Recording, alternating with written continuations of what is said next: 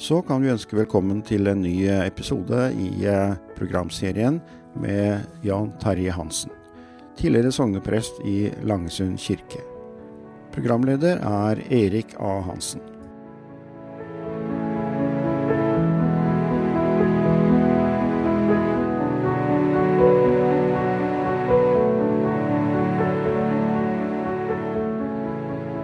Jan Terje Hansen eh, sitter vi sammen med også denne dagen. og Du fortalte de to første gangene om eh, bakgrunnen fra din familie i Kragerø, hvor eh, det skjedde store ting og vekkelser. og Forrige gang så fortalte du hvordan du på en helt underfull måte ble reddet fra å dø som lite barn. og nå skal vi fram til ungdomstiden din eh, på 1970-tallet, Jan Terje. Da var du en uh, ung gutt som kanskje var mest interessert i fotball.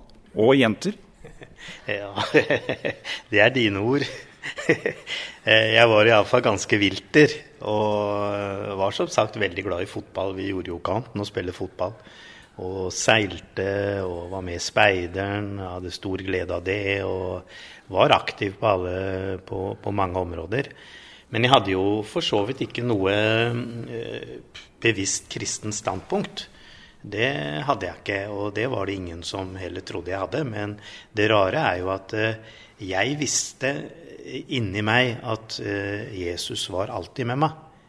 Det visste jeg. Men det sa jeg aldri til noen.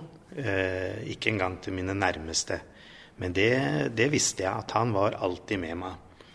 Og så skjedde jo det jeg, som jeg har fortalt før, eh, også på radio, at jeg var på vei til eh, fest i Porsgrunn.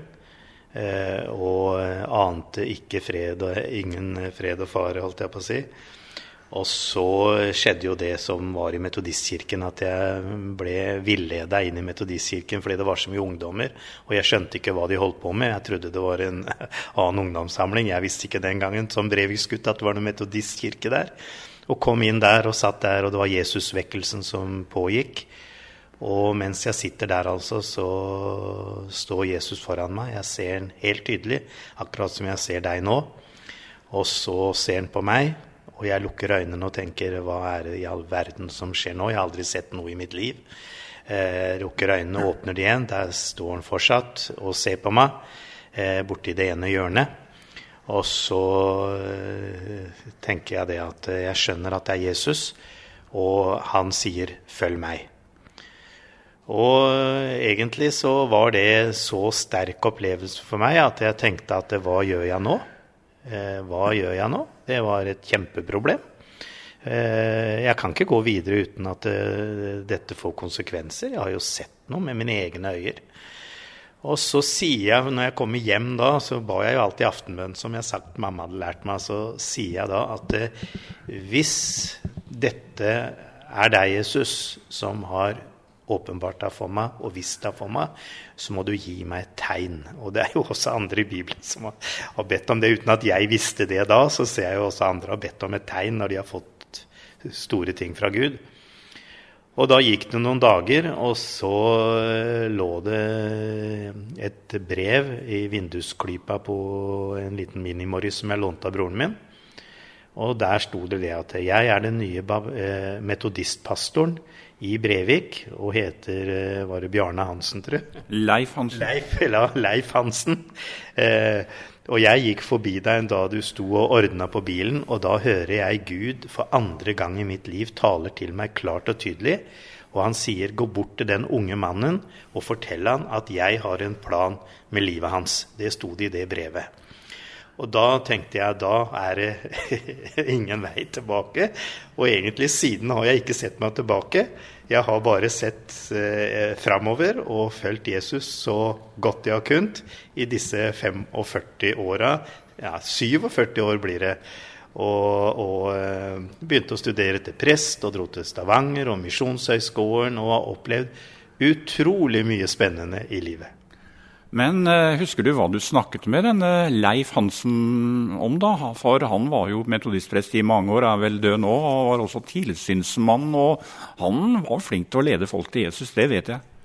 Nei, jeg bare husker at eh, det gikk eh, mange år, og så ringte Leif Hansen meg og så spurte han om jeg ville komme på Metodistkirkenes landsmøte, kan det være noe sånt? Årskonferanse. Årskonferanse.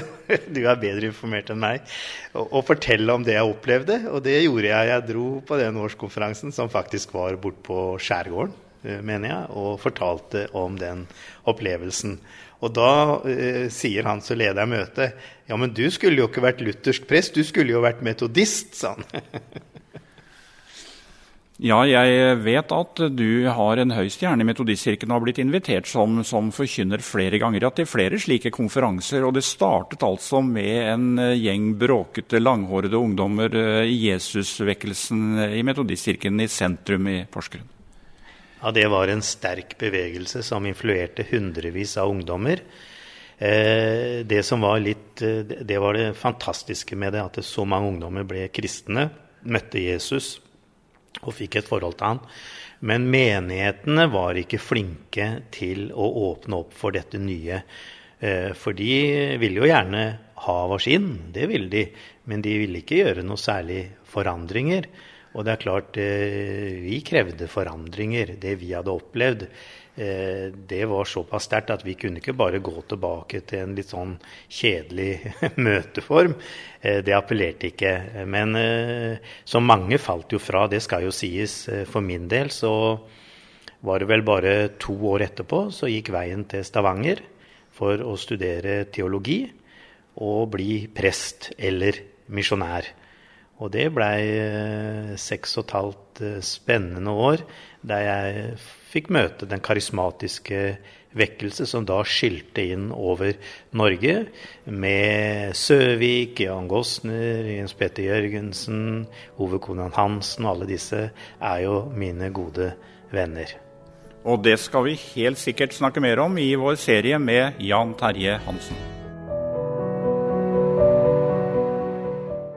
Vi takker også Erik A. Hansen, som eh, har gjort dette intervjuet. Han jobber altså i mediegruppen Grenland, en eh, lokal radiostasjon i grenlandsområdet. Og vi skal få høre mer fra disse to herrene om ikke lenge.